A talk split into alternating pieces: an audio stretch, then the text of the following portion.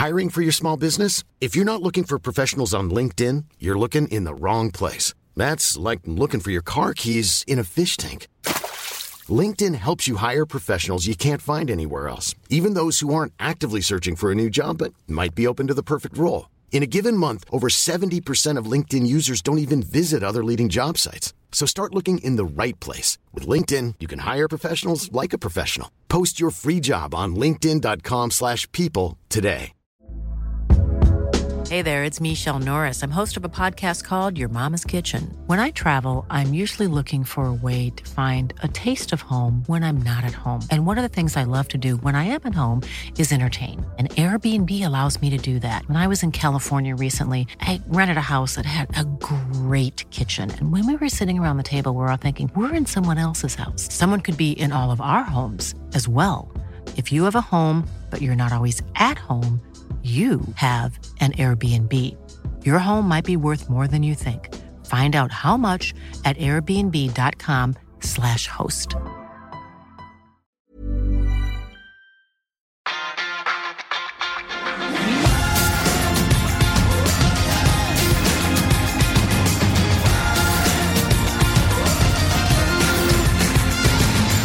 Can't believe it. Football, bloody hell.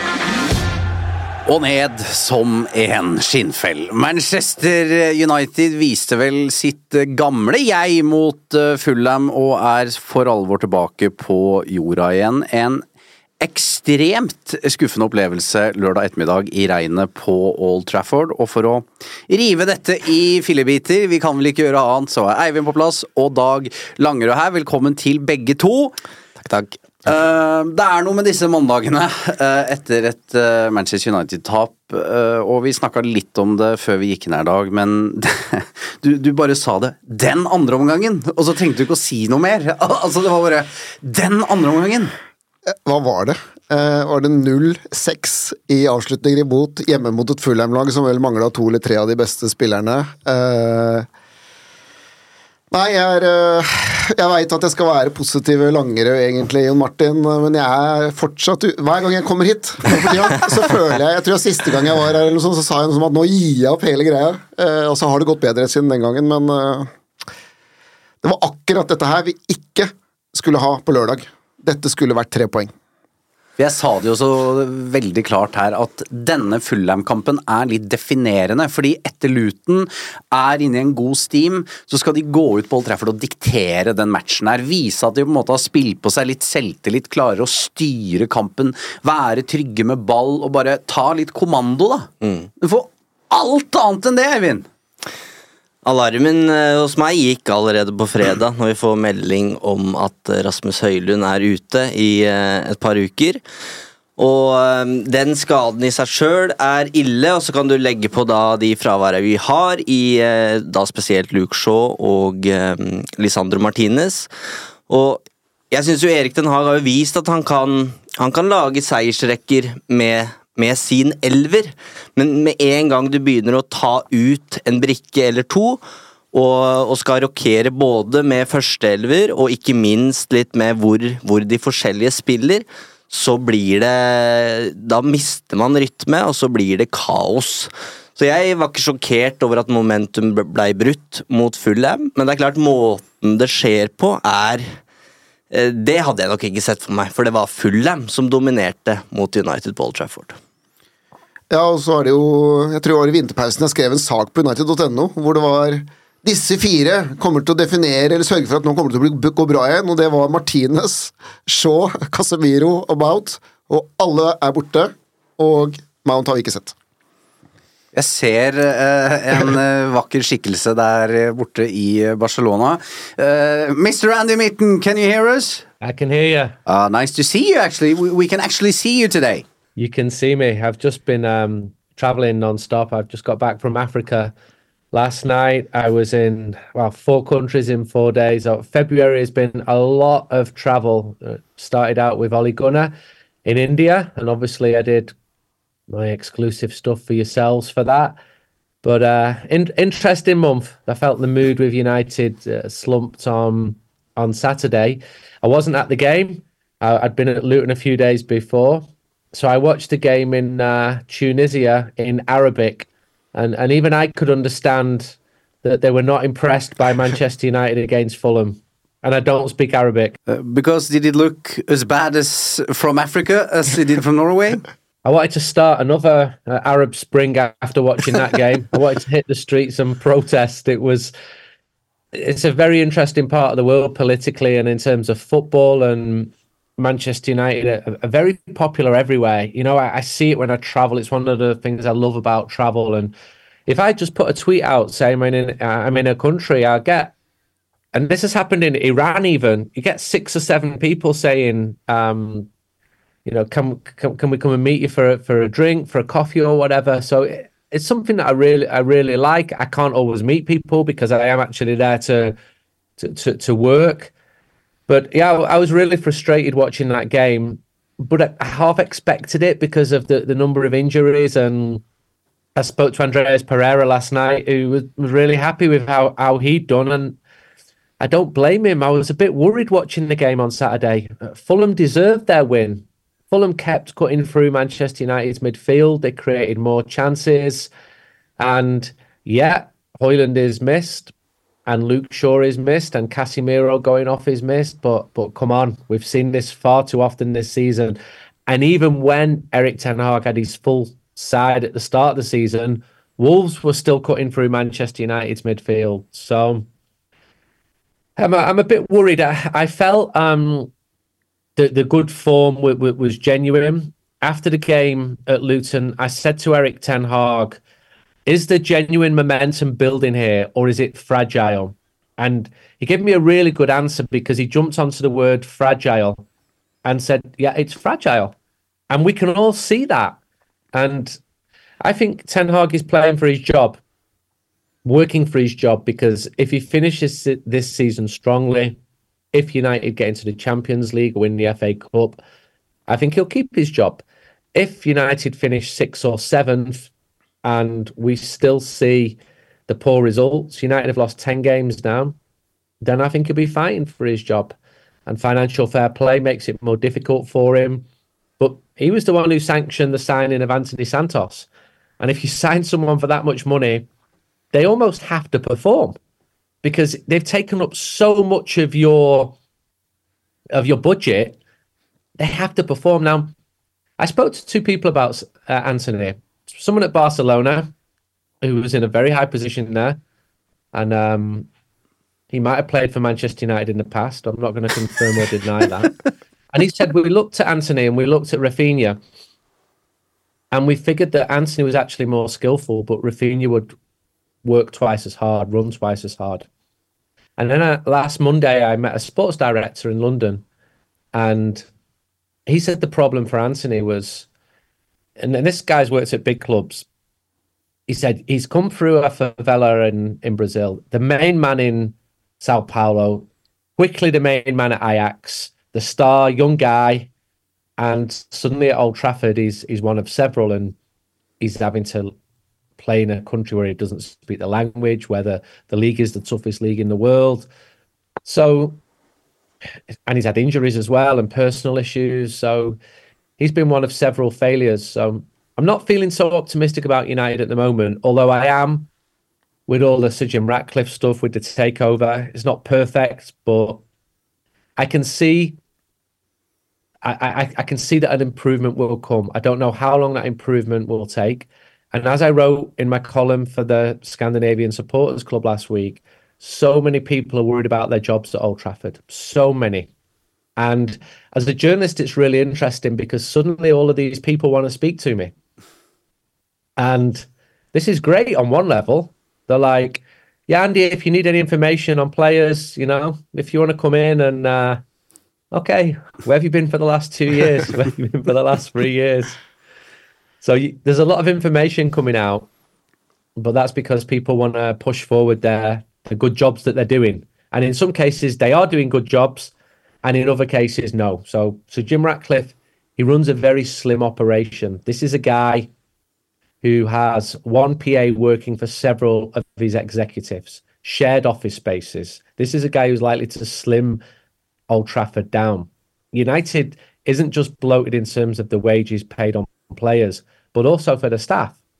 And as I wrote in another column for yourselves two weeks ago, I think there were 100 people at Carrington 10 years ago. There's now 270, but the team's getting worse, not not better. And some really good people there, but I also see people who are just coasting along. They want Man United on their CV. In my opinion, they're not very good. I've seen some of them leaving the club already. And I'm seeing lots of people going to former Manchester United employees and saying, Can I have a reference for my CV? They know they're moving on. They know this is happening. Interesting times for this football club. We have loads of questions on Marcus Rashford today from our, our listeners, Sandy. Uh, what do you make of his uh, his uh, situation at the moment? You, you've written about interest from uh, Barcelona and uh, PSG before.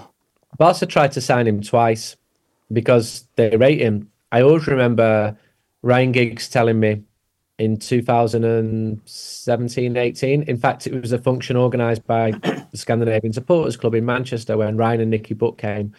That Pep Guardiola had said to him, Rashford is the only United player I think I could take here and improve Manchester City. But that was a long time ago. He's been poor this season.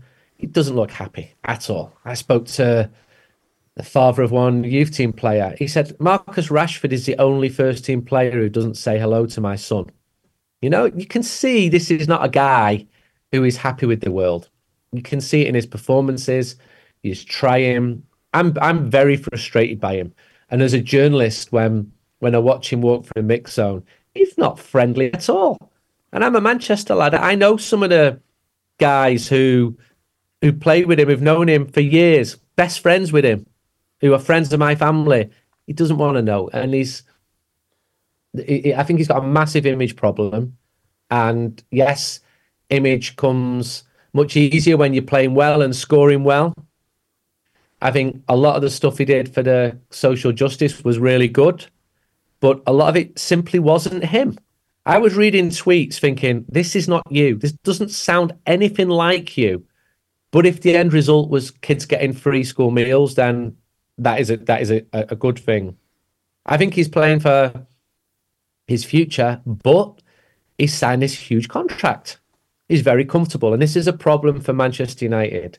Players on huge money. The worst example is probably Anthony Martial. And he's not surrounded by good people. He's going to leave the club. He's cost the team a fortune. He's cost the club a fortune. He doesn't want to be injured. I get that. But if you're paying someone to do a job and they're not doing that job, and they're not doing it not just for two months, but for five years, becomes a major problem. And when you lose Har- um, Højlund, I nearly said Haaland, didn't I? Højlund, like on Saturday. You're dreaming. yeah, yeah. I was with his former agent a few weeks ago, and obviously you know this in in, in Norway. Um, yeah, maybe in the future, I'd like to think that Manchester United would sign a a Haaland and and a Bellingham and recruitment has not been as good as it should have been. We all know that. We've spoken about it a lot. I think there'll be a lot of changes, but financial fair play will really restrict Manchester United to them sort of two or three moves per summer, getting the players off who are not performing. And everybody's thinking Ratcliffe's coming in, Brailsford's coming in, new CEO's coming in. Oh, we can relax. Everything's going to be fine now. It's not quite that easy. These people are all in a honeymoon period. Everybody thinks they're going to be an improvement. But everybody thought that Radamel Falcao was going to be an improvement, or Alexis Sanchez, you know, including me. Or when Cristiano came back, oh, brilliant. Yes, let's challenge for the title now. It's not quite that simple, but I get that the people coming in are Dan Ashworth is very, very highly rated. Um, John Murtough, he doesn't know, doesn't know what's going to happen. I've spoke to him. I know him. He doesn't know whether he's keeping his job or not. And Richard Arnold's gone. Polly Bancroft left. She was in charge of the women's team last week. She wasn't doing a good job. And I met her. She's perfectly fine. But to have excellence in a football club, you need everybody firing eight or nine out of 10 all the time. And you don't have to look far from Manchester United to see who's doing that. And yet they've got 115 charges against them. And this is ridiculous. And if they're guilty, they should absolutely be punished. But Guardiola, Soriano, Bagirstein is such a really well functioning model for that football club. Thank you very much, Andy. Uh, get some sleep and rest because you've been traveling all around the world. Yeah, thank you. I love it. I love meeting people. Um, I hope um, people in Scandinavia enjoyed my stuff with with Ollie Gunnar a few weeks ago. Um, he made a complete fool out of me because I learned one phrase in Norwegian and he answered me in Norwegian and I was out of phrases then. but Ollie's interesting because he's ready to go again.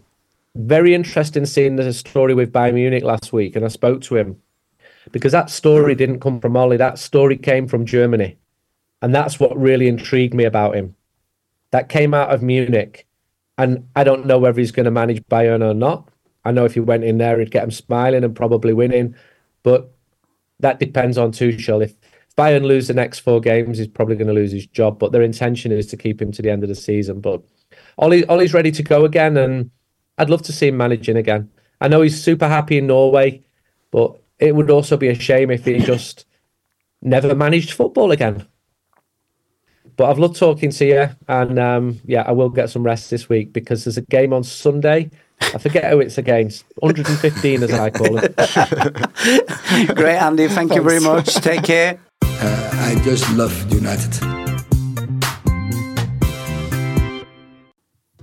Det var eh, Andy Mitten som eh, alltid leverer. Eh, det er én ting jeg har hengt meg opp i etter helgen, og det er når Erik den Haag begynner å referere til det store bildet.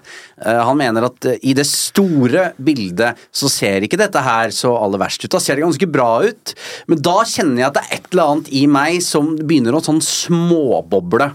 Hvis vi skal begynne å snakke om dette store bildet, Dag og Eivind, så ser det store bildet til Erik Den Haag ikke bra ut i det hele tatt. For det store bildet til Manchester United er at denne sesongen startet sinnssvakt svakt hjemme mot Wolverhampton. Det store bildet er at Manchester United ikke er i Champions League når dette sluttspilltoget begynte å gå. Det store bildet er at Manchester United er slått ut av ligacupen, og at Liverpool beviser at det går an å vinne en ligacup med et tilnærma B- eller juniorlag på Wembley i går.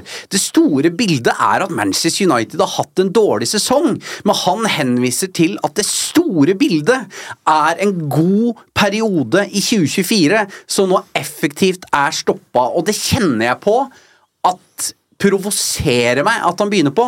Fordi det store bildet til Manchester United ser ikke bra ut. For han er på en audition for å redde denne jobben, for at han skal fortsette som United-manager. Og omsider har det kommet inn en eier eller en, en minoritetseier i Jim Ratcliffe, som uh, bruker helt andre midler enn Glazer-familien. Han har satt seg ned med pressen, han har gjort et intervju, han refererer til dette med best in class, om, om hvilke standarder som skal settes. Da kan du ikke komme ut og si etter Fulham at United skulle vunnet! For Manchester United leverer noe av det svakeste jeg har sett denne sesongen, og det er i konkurranse med ganske mange bedritne prestasjoner. Unnskyld uttrykket. Takk for meg. Veldig bra. Det er mye å, eh, det er mye å ta tak i her. Um, jeg tror vi hører, hører hva Dag sier først, jeg. blir jo litt sånn uh, Skal jeg liksom være Skal jeg bare spille med? Eller, eller skal jeg spille mot? Smile er vel ikke ordet, men Nei, ikke smile med, men spille med eller spille mot. Og, og, og det store bildet er jo ja, Hvis jeg prøver å se det litt fra hans side, så tror jeg han tenker på at uh, han er jo lenge foran, foran det Klopp var, og Arteta var. Vunnet et trofé, så, men mye av det henger jo sammen med da forrige sesong. Eh, og han har vist at han kan slå alle de beste, i hvert fall på hjemmebane. Eh, og så er det jo en annen ting som er en del av det store bildet, er jo for så vidt at vi har hatt eh, Og det kommer man ikke unna. Det ser ikke bra ut når han mangler de beste, men de beste har jo mangla hele tida. Uh, og Det er også en del av det store bildet. Og når han da hadde de tilbake, så vant vi fotballkamper igjen. Så jeg tror han er der. Men bare, jeg vil bare så ikke folk misforstår nå, for det Altså, vi ser jo ikke ut. Og å si det han gjorde etter den kampen her, om at vi fortjente å vinne, og ja, vi vant XG Jeg, jeg, altså, jeg reagerte jo voldsomt sjøl, fordi det handler et eller annet om timingen her, som blir bare så gæren for det vi har sett. Altså, vi tapte 3-0 hjemme mot Bournemouth dette var verre, i mitt, uh, mine øyne. da. og så begynne å snakke om at vi fortjente å vinne, og spillerne viste great character. Det var det, akkurat det de ikke gjorde. Ja, Jeg var litt forberedt på å ta rollen som Fredrik Solvang ut eh, episoden her nå, men det virker som dere er på bølgelengde. bølgelengde. Eh, nei, men Vi har jo snakka masse om det her før. Erik Den Haag eh, fikk en veldig god start på United-karrieren og kom jo da ut i intervjuer og pressekonferanser etter det som da var gode forestillinger, eh, og pekte på at ja, men det her var ikke perfekt. Vi må bli bedre på rest defense eller det ene eller det andre. Sånn. Han, han kjekla mye om de her detaljene som skulle få det til å bli perfekt. Og nå er det jo litt det motsatte som jeg har messa mye om her. at liksom du må huske at selv om du ikke liker å sitte på en pressekonferanse, så er det det er der du snakker til fansen. Og her er det eh, 70 000 tilskuere, eller fans, som går hjem fra Old Shafford og lurer på hva, hva var det der? Hva var det vi fikk servert her i dag? Og nå har jo Ten Hag hatt en god eh, seiersrekke her. Um, men dette er jo problemer som vi har sett hele sesongen, som man ikke virker å klare å adressere. Da. Og for meg så er det største problemet det er de enorme romma som vi har på midtbanen. Og ja, det er en aldrende Casemiro og en veldig ung Maino, så det er nok ikke en perfekt midtbanekonstellasjon, men da må jo en god manager på en måte gjøre endringer da, som gjør at du klarer å kamuflere de svakhetene du har. Og jeg syns Marco Silva alltid har vært en veldig sånn uggen manager å møte for United, fordi han virker å være så fleksibel som ikke Ten Hag evner å være. Så når han ser analysen av United, selv om de står med fire-fem seire på rad, så ser han dette er de knappene vi skal trykke på Paul Trafford eh, for å straffe de knallhardt. Og det klarer de gjennom nesten samtlige 90 minutter. Eh, og når da han kommer ut og, og skal snakke til fansen og snakker så flatt og, og begynner å messe om det store bildet, og som du sier Jon Martin, det han leker jo med ilden her. Fordi er det noe han ikke bør ta opp i de møtene med Injo, så er det det store bildet. Fordi der står den ganske dårlig nå, altså. For det er et år siden, ganske nøyaktig et år siden, vi var på Wembley uh, og, og så Manchester United uh, vinne ligacupen mot Et år i dag. Det er et år i dag. Eh, og det karra seg jo til en Champions League-plass, eh, og vi er enige om det. At den første sesongen til Erik Den Haag var mer enn godkjent. Eh, men det som han, eh, Fragile var jo Andy innom eh, da, eh, da vi hadde han, eh, hadde han her nå. Og det er jo det som på en måte er så ødeleggende for Erik Den Haag. Det er at man evner aldri å stole på dette fotballaget, selv om den forrige perioden har vært bra. Eh, og eh, at det er, det er nå engang sånn at han er ansvarlig for dette fotballaget. eh, og ja, det blir skader, men de skadene hoper seg opp hele tiden. Og det er jo hans treningsmetoder som åpenbart også må være litt under lupen her. Fordi de blir jo skada hele tida. Eh, og uh, da må vi være innom sånn Det er jo valgene han tar hver eneste uke når han tar ut disse laga. Var Luke Shaw klar til å starte mot Luton? Kan du begynne å tvile på det? Det er noe med matching her, måten, og, og, og det er nok litt sånn han gjorde det i sesong 1 og kasta alt på bålet hele veien. Tror bare på et begrensa antall menn. Men det er hans tropp, dette her. Altså. Han har kjøpt ganske mange fotballspillere. Og eh, det gjør at på en måte Jeg sier ikke her og nå at han skal få sparken, men det begynner, som jeg har sagt lenge, det begynner å bli vanskelig å forsvare hans prosjekt. Merker at du begynner å bli litt lei, ja. Ja. du, er, du er ikke aleine. Men du må, du må snakke på en annen måte. Altså han, eh, som vi har vært inne på flere ganger, Det å være Uniteds eh, manager er også Du er sirkusdirektør. Altså, du må selge et produkt. Og det, og det er litt sånn som du er inne på, da, syns jeg. Altså, hva var det vi så mot Wolverhampton i den første kampen ca. 12. august eller noe sånt? Vi så at en midtbane ble løpt over. Og hva er det vi ser nå egentlig fortsatt? At en midtbane blir løpt over, og da har det gått seks måneder med fotball og sikkert 40 kamper eller noe sånt, og vi har fortsatt ikke klart å løse det eller adressere det, eller kanskje ikke være villig til å gjøre det, da. Og så er spørsmålet som jeg syns er kanskje det, det store som går på Ten Hag, det er jo Han har visstnok sagt, eller han sa jo, at han ikke kan spille som Ajax. Og jeg mener at dere i Uno-studio har snakka om at han har sagt internt at det ikke går an, og med den gjengen han har. Og da er spørsmålet hva er det han kan gi oss som gjør at vi kan komme tilbake på topp, toppen igjen? Og per nå så er det jo ingenting av det vi ser som kan gi oss tro på at vi kommer tilbake til toppen. Vi dominerer ikke, så kan vi si at vi har uh, hatt kontringsstyrke de siste ukene, men dette laget her kommer ikke til å vinne Premier League på den måten der. Og har han evnen til å ta oss tilbake til noe som kan gjøre det? Vi, jo, vi har jo nesten ikke ballbesittelse. Vi jo, kan bli uten ball i 20 minutter mot Fulham, uh, og så skal vi på en måte klare å vinne Premier League med å være kontringslag, det kommer vi ikke til å klare. Jeg tror du må, gjøre, må ha noe helt annet. Og i Ajax så sto han jo for noe helt annet, men når han har definert at det ikke er mulig her, så er det jo hva, hva da? Hva da? Hva er det han skal levere på? Da skal han si at ok, hvis jeg har mine beste spillere, Sir Jim, så vinner jeg en del kamper. Jeg tror ikke det er bra nok, altså. Og der har han nå tre ekstremt viktige måneder for oss. Og det jeg frykter nå, er at resten av sesongen det blir, eh, det blir bare den kjøkkenvasken som du snakker om, Jon Martin. Altså, hver match, og det sier han sjøl òg, nå er det ny finale til helga. Og, og, da er det på en måte ikke rom for å Det var jo det vi satt og egentlig snakka om etter den ligacupfinalen i fjor også, at det er, det er, ikke rom for Ten Hag å utvikle spillestil. Nå handler det bare om å komme til målstreken. Og det blir litt det samme nå, at ut, med, ut, med, de forfallene vi har nå, med Shaw, uh, Shaw Martinez og, og nå Høylund, i hvert fall ut mot City og Nottingham Forest, så, så, så, blir det bare snakk om å rive til seg det man kan av gode resultater.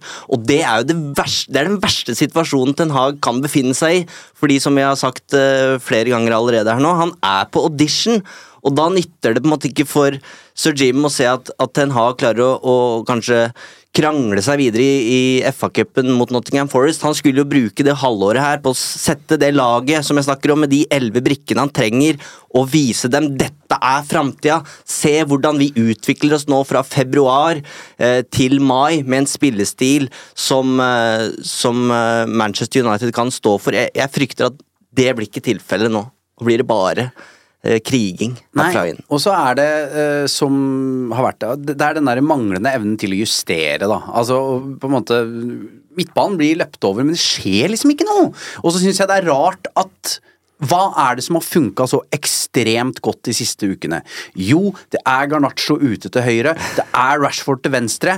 Og så blir Høylund ute, og han er i kjempeform og fremstår som eh, Manchester Uniteds viktigste spiller for øyeblikket. Han er ute. Ok, jeg skjønner at det er vanskelig, men hvorfor skal du stokke om hele den angrepstrioen?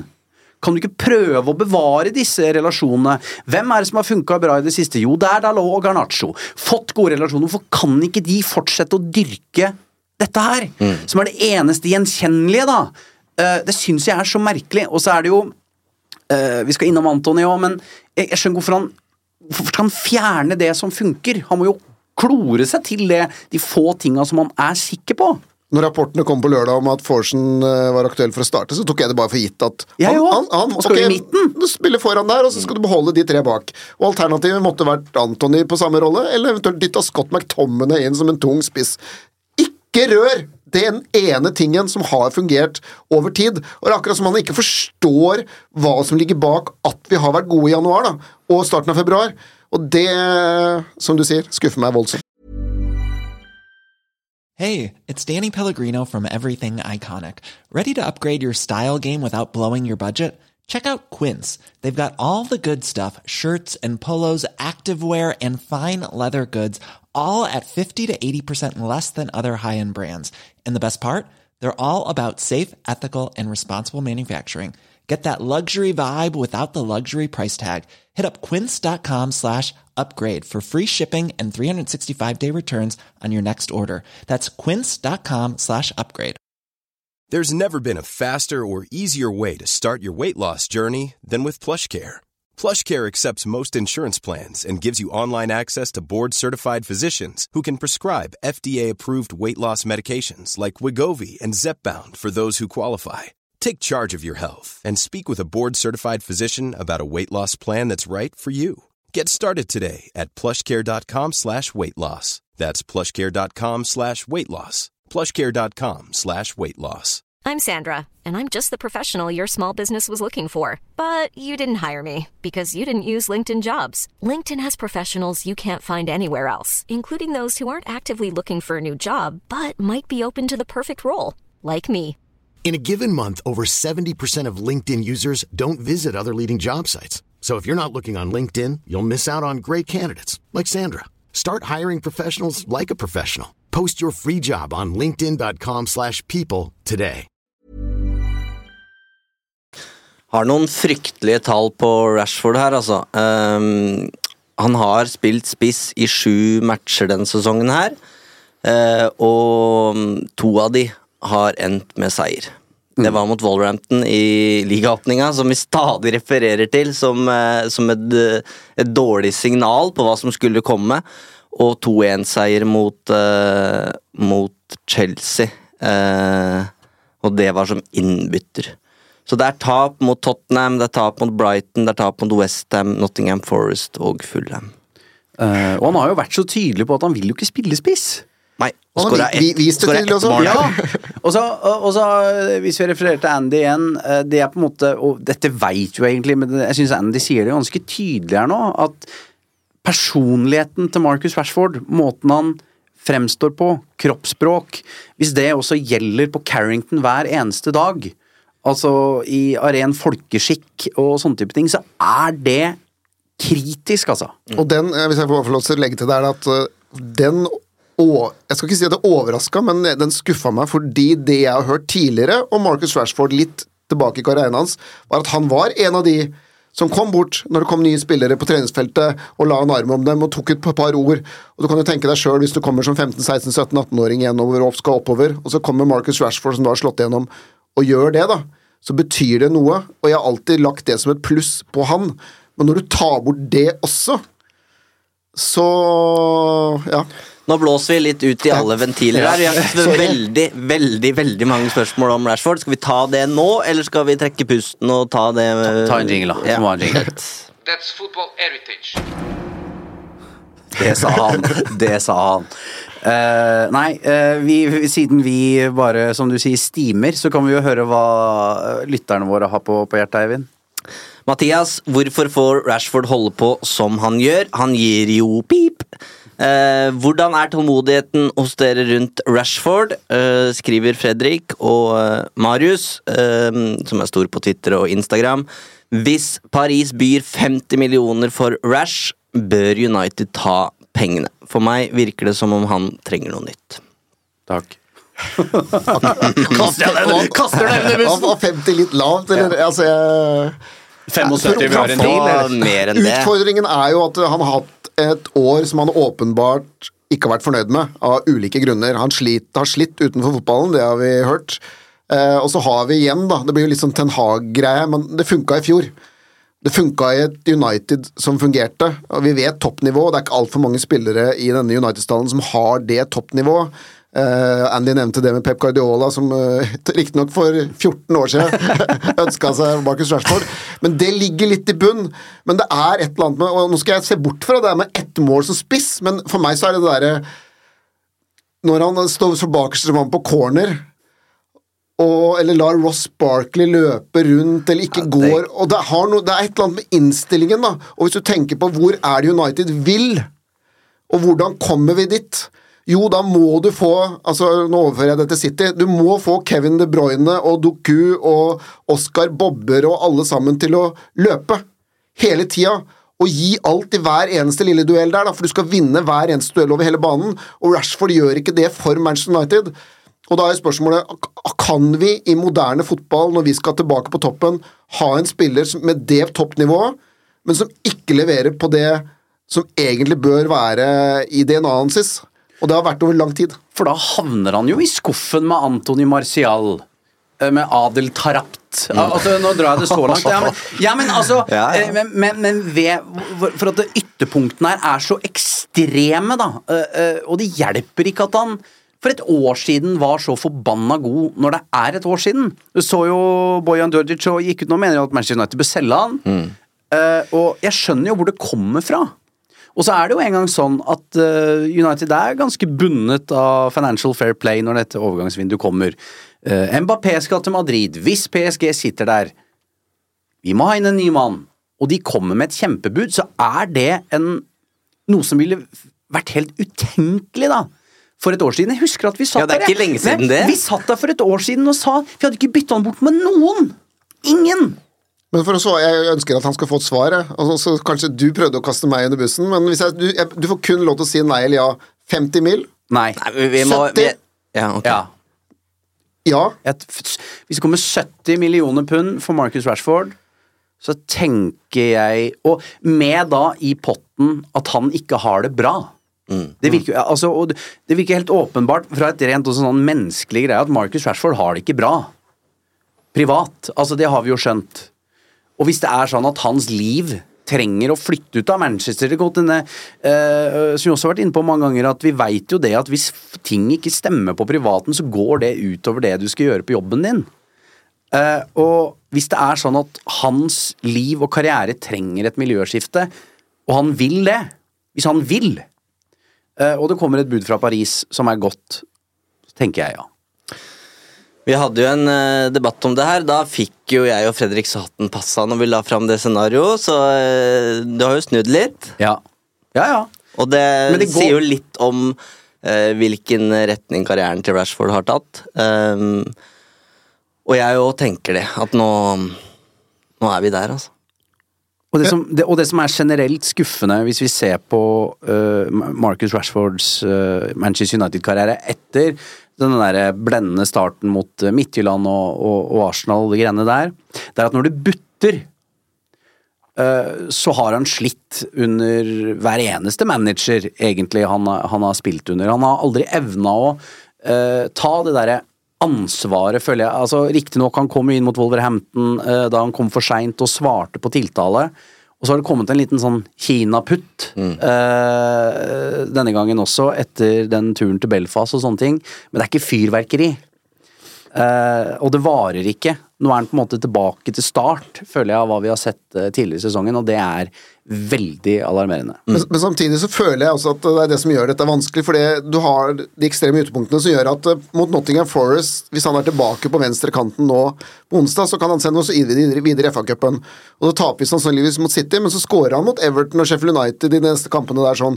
Og plutselig så snur det på en eller annen måte, selv om han fortsatt er seg selv 100% Og hvis du skal dra det lenger, da, hvis det ikke går for Erik Den Haag, og så kommer en eller annen Emery eller Nagelsmann eller en eller annen fyr inn er det antagelig, Vil de da kanskje ønske å jobbe med Marcus Rashford? Kan de få ut noen andre sider av Rashford enn det vi nå i øyeblikket ser? Og da begynner jeg å bli litt sånn mer kanskje Fortjener ikke en ny manager å kunne bygge et lag med Rashford, eller skal vi bare si at det vi ser nå, den defensive innsatsen, det mangelen på, det er det faktisk umulig å legge til? Kan jeg lage et spørsmål til her? Beholde Marcus Rashford eller Erik Den Haag? Jeg syns, jeg syns det er så jeg syns det er litt sånn der, for da Jeg syns det er nesten så slemt, da, fordi det blir akkurat nå, etter 2-1 mot Fulham, tap, så syns jeg den Jeg syns den er litt ekkel. Ja. Eh, Det trenger jeg faktisk ikke å svare på, men det som jeg syns er viktig å få inn her, og som er en svakhet av det vi holder på med når vi sitter her, eh, sosiale medier og helt generelt, det er den derre jakten på scapegoats, da. Fordi eh, det stikker jo dypere for Manchester United dette her enn at Marcus Rashford er dårlig. Ikke sant? Det er jo Sånn har det vært. Altså, post Ferguson hele tiden. Vi, vi leter Fordi det er så dårlig, så leter man jo konsekvent etter enkeltpersoner som sørger for at dette her ikke funker. Men det er jo en organisasjon som ikke funker. Det er jo en fotballklubb som lider av et eh, dødelig virus. Men det er vaksine på vei. Og da trenger du Marcus Rashford som kulturarkitekt, som Steve McLaren sier så fint. Eller eh, Steve Høgmo, skal vi kalle han det. Ja. Steve McHøgmo. Steve Mac. Nei, men Hvis en ny manager kommer inn i Manchester United og skal jobbe med Inios, så skulle jo Rashford vært den første han gikk til s- for å få sin allierte, da. Han skulle jo vært neste kaptein. Ja. Eh, mens i det tilfellet her så stiller man jo spørsmål Er det en fyr som vil jobbe for en ny manager, eller vil, er han nå representerer han den spillermakta nå? Disse råtne egga som vi har kvitta oss med på rad og rekke. Har han nå blitt en av de? et råttent eple som på en måte For han så er spillermakt og Marcus Rashford og tierdrakta viktigere enn at Manchester United som fotballklubb opplever suksess. Og det er jo bekymringsfullt. Ja. Skal vi gå videre? Ja. Your job is to tell the truth. That's your job. Vi, vi gjør så godt vi kan, uh, sir. Ja, er det ikke flere spørsmål? Eh, jo, jo oi, eh, beklager. Um, hvorfor får ikke Ten Hag Og jeg glemte at det er skjerm. Jeg vet Ja, det. men der er ikke spørsmål. Vi er litt, litt, fortsatt litt tidlig inn i den digitale fasen her i Ja, ja, studio. Ja, men ehm, Nei, det er mange spørsmål som mye frustrasjon. Vi har faktisk fått 129 spørsmål. Pleier ikke å brife så mye med hvor mange spørsmål vi får. Men eh, satt lenge i går og sor sorterte.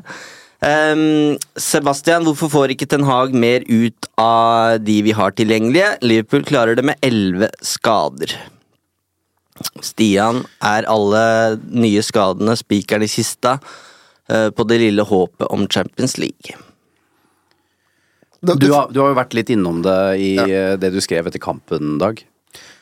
Ja, og så Hvis begynne på en litt annen måte, så kan jeg begynne med at det funka sånn delvis i fjor. Så klarte han det, for da kunne jo Luke Shaw være ute, og så kunne Tyrell Malessa Malessa komme inn, og det kunne være en del skader i fjor også, suspensjoner på Casemiro, og så klarte vi jo fortsatt levere bra i ganske store perioder.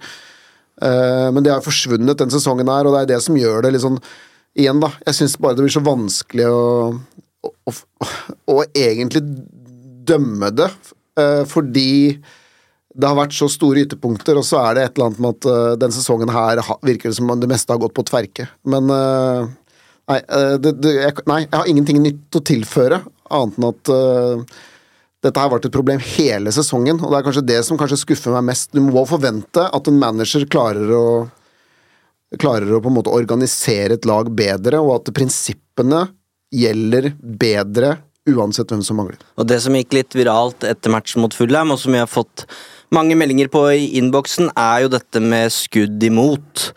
Um, som viser at selv om United har vunnet en del kamper i det siste, så har det vært ganske åpent, og det har kanskje vært snakk om marginer som har gått i Uniteds favør. Uh, Altså liksom 400 skudd imot sier ikke meg så veldig mye i løpet av en Premier League-sesong hvor det har spilt 26 kamper. Um, så jeg bare delte det opp for å se på antall skudd imot per match, og vi snakker jo da 16 skudd imot eh, per 90 minutter. Og det er bare Sheffield United, Luton og Westham som er verre. Og hvis vi sammenligner da med disse topplaga, City og Arsenal, de slipper til åtte skudd per match. Så det er, United er dobbelt så mange skudd som City og Arsenal. Og Arsenal er vel i særklasse best etter nyttår her. Og da sier det seg sjøl at det blir noe baklengs. Jeg tror også United eh, skårer bortimot dårligst på det der, eh, hva heter det, noen deep progressions imot, og det er jo rett og slett at folk tar ballen på sin egen 20 meter og løper gjennom hele laget, da, og kommer til disse avslutningene. Og jeg kan jo si at jeg sitter egentlig og jobber med en sak om akkurat dette her, for hva er det, hva er det man trenger for å vinne Premier League, da, for å si det veldig enkelt. Hvis det er én ting du trenger for å vinne Premier League, så er det få skudd imot. Det viser alle statistikker tilbake over mange år, og her er United på bunn, eller i bunnstriden, i Premier League. Expected goals against i topp fem-ligaene i Europa. Der snakker vi da 96 lag. 82.-plass. Ja. Sammen med Almeria og Bochum i bånn der. Ja. Godt selskap, det. Ja. Det er en Conference League-gruppe, det.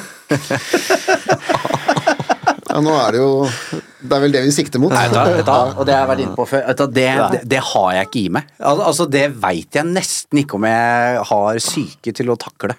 En høst i conference Altså, det, det, det Da Ja, Vi kan ta spørsmålet fra Sebastian. Hvilke lag håper dere å møte i Conference League? Kunne vært gøy med noe norsk. Å, gud. Kunne vært gøy med noe norsk å reise bare til si, hvis, hvis, ja, hvis, hvis det hadde vært United som reiste til Aspmyra, sånn som Ajax, de hadde ikke hatt de marginene med seg. Det hadde ikke gått. Men han tapt. Ja, Nei, vet du hva, jeg, skal vi gå videre der? Men jeg er nok litt der at uh, kanskje i Conference League så kunne jeg fått en hyggelig bortetur til noen steder jeg ikke har vært i Europa før. Det er vel det, men det Men du er har vært i Bodø. en gang. Ja, og det holder. Jeg, tenker, altså, jeg kan gjerne dra til Bodø, men jeg vil, jeg, vil, jeg vil ikke se Manchester United i Bodø. Det er bare et, eh, et sterkt ønske. Og så ser jeg jo Ole som lurer på har Eriksen gått ut på dato. Det rungende svaret på det er ja. Han så ikke bra ut nå, og så skal det sies at han ikke har spilt på en liten stund. Han har jo faktisk vært eh, dratt ut av dette her, eh, men det kan jo da kanskje være en grunn for. Ja, det er generasjonsskifte på midten der. Hvis vi skal begynne å snakke om Casemiro også, så er det liksom to, to midtbanespillere som skal erstattes, samtidig som du har en 18-åring der som, som er ganske uferdig, selv om han er den beste på midten der nå. Eh, og så kan vi da bevege oss over på spørsmålet til eh, til Vegard. Eh, påstand. Real Madrid hadde solgt Bruno i sommer med en tydelig nedadgående kurve. Tanker om det? Det er, det er nok riktig. Ah, så jeg tror Bayern Du så jo det med Bastian Schweinsteiger, Casemiro, Mm. som, som de har solgt. Jeg tror kanskje det, men det er noe uh, Kan ikke selge alle. Nei, du kan ikke det. Eh, og eh, Bruno Fernandes har jo uansett fra den dagen han kom, så kan du si for øyeblikket manglende, manglende både ditt og datt. Tvilen kommer i mye større grad han til gode enn de gjør med Marcus Rashford for øyeblikket, i hvert fall i min bok. Men så er det tilbake til dette med FFP, da. Hvis det kommer et kjempebud fra Saudi-Arabia på, på Bruno Fernandes, så må Injos ta stilling til dette her. For det sa jo Ratcliffe lenge før uh, han uh, i det hele tatt Vi visste at han skulle by på Manchester United, eller når det, i, i tidligfasen der, at et uh, kjøp som Casemiro aldri ville skjedd på hans vakt. Og det betyr jo at du på en måte, som Arsen Wenger var så god på i sin tid, å ikke gi lange kontrakter til spillere som har passert 30 eh, jeg, blir spent, jeg er spent på å se hva eh, Det er nesten for øyeblikket når du veit økonomien til United, hvem skal ut her, og hvordan løser de det? For det er jo andre typer mennesker som skal selge spillere, for det har en kunst United har beherska veldig dårlig lenge. Eh, hvem skal ut? Og jeg tror alle er til salgs. Ja, er litt følelsen jeg sitter med. Så en bra tweet. Eh, hva er det Dan Ashworth går og tenker på mens han klipper gress om dagen? Han har mye å tenke på. Ja, ja. Altså. Her er en kabal. Men jeg, jeg, jeg er fortsatt på veldig forsvarssida for Bruno. Eh, For det, hva, hvem er det vi har som er best på noe som helst av viktige ting i dette United-laget her? Og jeg skrev jo senest forrige uke en sak på United.no om at Bruno Fernandes hadde fortsatt flest såkalte nøkkelpasninger.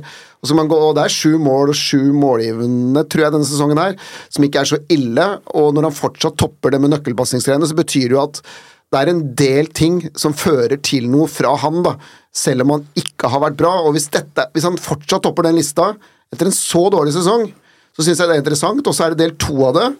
Portugal. Og så har jeg ikke nok kontroll på Jeg ser ikke hver kamp av Portugal, men der de spiller på en litt annen måte, hvor han er en del av en vel treer på midtbanen, og han er ikke så hypp på disse der direkte pasningene i bakrom, så betyr det at det kan være mulig å justere litt på Bruno Fernandes kall det i neste eller nye Manchester United.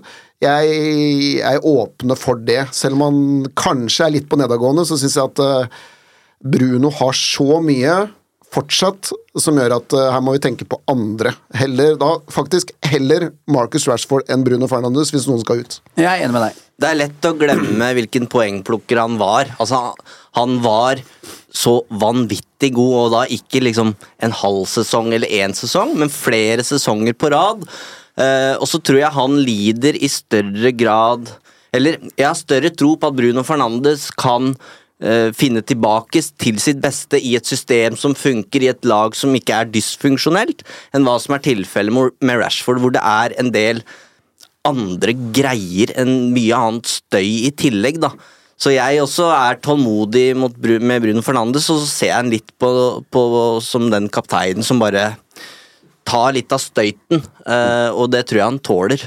Og hva får du alltid av han, da? I tre år. Altså, vi, ja, vi kan si at han løper over hele banen hele tida, og det er antageligvis ikke alltid er det beste for Manchester United. Men han løper over hele banen hele tida. Er i angrep, går på gjennomløp, er tilbake i eget forsvar. Takler Hvis det er én som har virkelig lagt igjen meter for Manchester United over ganske mange år nå, så er det Bruno Fernandes. Eh, så igjen, da, jeg, bare, jeg skulle nesten bare ønske Gi han et ordentlig lag å kunne levere i, da. Så, så vil jeg fortsatt si kjør på med Bruno et par noen år til. Og jeg er helt enig. Jeg sier bare at nå er United i en posisjon hvor, med cashflow, rett og slett. Så det, en, det blir et dilemma hvis det viser seg at det kommer et kjempebud. Uh, men, Da tenker jeg Saudi-Arabia i så fall, jeg, altså. ja, ja, ja, men ja. På Bruno. Jo, for det er jo ingen av uh, Og det er jo på en måte det som er det mest interessante i spørsmålet til Vegard, egentlig. ja, Eller i påstanden at Real Madrid hadde solgt Bruno i sommer. For Real Madrid, Barcelona, de kommer ikke til å kjøpe han. Men United har mer enn nok med å forhindre de skadene som, som er der. Klarer ikke å forutse progresjonen Han er jo heller aldri skada, faktisk. Nei da. Nei. Han er den ene. Yes, ellers så er det jo en match eh, allerede på onsdag. Eh, spørsmålet er jo litt om FA-cupen kan eh, redde Erik Den Haag her. Om et eventyr kan få bein å gå på og være et slags friminutt i eh, det her Premier League-marerittet vi befinner oss i. Ehm, og da er jo første spørsmål hva gjør den nå for å justere her? Som du sa innledningsvis her, Jon Martin, så, så gjør den jo endringer på det som har funka. Og så kan den ikke gå tilbake til det som har funka, fordi Høylund er fortsatt ute. Så hvem skal spille på topp? Vi har også fått spørsmål om om, eh, om bekken fra Max. Mats, hva gjør vi på venstre bekk? Viktor vil åpenbart ta på oss mange poeng fram til juni, selv om han vel ble trukket fram som Uniteds beste spiller mot uh, Fulham fra, fra Viaplay-hold. Um, så det er jo en det er, jeg, altså, Og det er litt av problemet, og vi sitter jo ikke med en fasit her på Sånn må du stable laget mot Nottingham, eh, Ten Hag. Den uh, forhåndskampen nå har blitt uh, Du gleder deg, ser jeg. ja, ja, men den har blitt så viktig. Ja. Du kan jo ikke tape mot Forrest i FA-cupen og så tape eksempel 4-1 mot City. For da har, du, da har du en grusom uke som kan Du snakka om det i forhold til Ten Hag, audition, hva som skal skje videre. Da tror jeg det kommer til å bli stygt i ulike kommentarfelt utover eh, neste uke. Så, men eh, du må jo tilbake til det vi snakka om i stad, Jon Martin. Altså, Rashford må ut tilbake til venstre. Han kan ikke fortsette der framme. Så må Bruno være tier, og så må Garnaccio tilbake til høyre. og Det må være der, og så må du bygge det rundt det. Og så er spørsmålet Casemiro, hvis han er concussion altså Worst case, altså hvis han er definert som concussion, og det står i papirene, så ryker han i tolv dager. Det er reglene, og så er det noen unntak der, men hvis det er tolv dager, da og du er uten Høylund, uten Casemiro, uten uh, Martinez, uten Shaw Jeg kan bare si det, Vi har tapt hver eneste kamp uten de fire hele sesongen. Og God tur til Etiad, det er det du ja, men Mact, jeg vil, altså Omari Forsson, nå skal jeg bare jeg, jeg har aldri helt hatt troen på det, jeg kan være så ærlig på det. Jeg synes at det var litt romantisk at han fikk sjansen etter en, en treningsuke, men jeg ville skrinlagt det nå. Eh, og så ville jeg tenkt eh, enten Scott McTominay som en sånn Wout Weghorst-spiss, eller alternativ Antony som en sånn, kall det mus, da, som kan bare løpe rundt og herje på topps, slik han gjorde mot City når vi vant 2-1 hjemme mot de forrige sesong i andre omgang. Det er de to alternativene jeg ville hatt, men ikke rør Rashford, Bruno, Garnaccio. Men hvem som skal erstatte hvis Casemiro er ute på midtbanen, da? altså, blir det Amrabat? Eller det blir jo antageligvis ikke det, for da blir det jo McTominay der. Han hadde nesten glemt. Det tror jeg Ten Hag har gjort òg. Ja. Og, og det er jo på en måte eh, nå, nå skal du inn en eh, Og det blir jo i større grad eh, med head of recruitment og en director of football, alt det greiene der. eh, men det er jo med Amrabat, med Anthony Andy var jo litt innom det også. eh, du blir jo målt på hvilke fotballspillere du har henta til denne klubben. Eh, men eh, Og Amrabat uh, han, han blir ikke henta permanent. Nei. Det er er jeg enig i. Ja. Nei, jeg, jeg oh, Hvem som skal Nei, det må jo bli Eriksen inn på midten, da. Hvis Casemiro er ute. Nei, jeg tenker kanskje at det blir McTominay, da. Eh, Ja, men hvis, eh, jeg, jeg, jeg tror jeg hadde gått for McTominay som spiss. Ingen ideelle løsninger uansett. eh, og ingen spisser på Og fortsatt ingen. U21-laget, tror jeg, som eh, fortjener å få sjansen heller. Nei. Men eh, det som er positivt, er vel at det skal deles ut noen premier her, eller skal det ikke det? Det skal det. Vi Spin the wheel. var jo på besøk hos selveste Arne Skeie, og han dro jo fram en quiz i podkasten der som vi har lagt ut på Instagram. Den har fått mange svar. Um, og riktig svar, det var jo ikke lenger unna enn påfølgende jingle. Eh, og det fikk Harald med seg. Det var litt spent på det. Etter den quizen til Arne så la vi inn en jingle med Erik Cantona eh, og dette legendariske sitatet hans. Eh, så det var litt gøy at noen la merke til det. Og spørsmålet var Spørsmålet var ehm, Hvem var den første utenlandske kapteinen i Manchester United? Og det er det mange som har svart rett på, og Dag, du skal få æren av å trekke hvem som får en eh, Uno-genser. Nå skal jeg bare Vær så god. Jeg skal bare scrolle litt. Scrolle og stoppe på en Jeg må si at jeg tilfeldig treffer fingeren riktig, da, så Og som jeg er litt opp og ned, så ikke det nødvendigvis øh, dere som tok aller først. Dere burde kanskje vunnet, men nå Petter Weberg.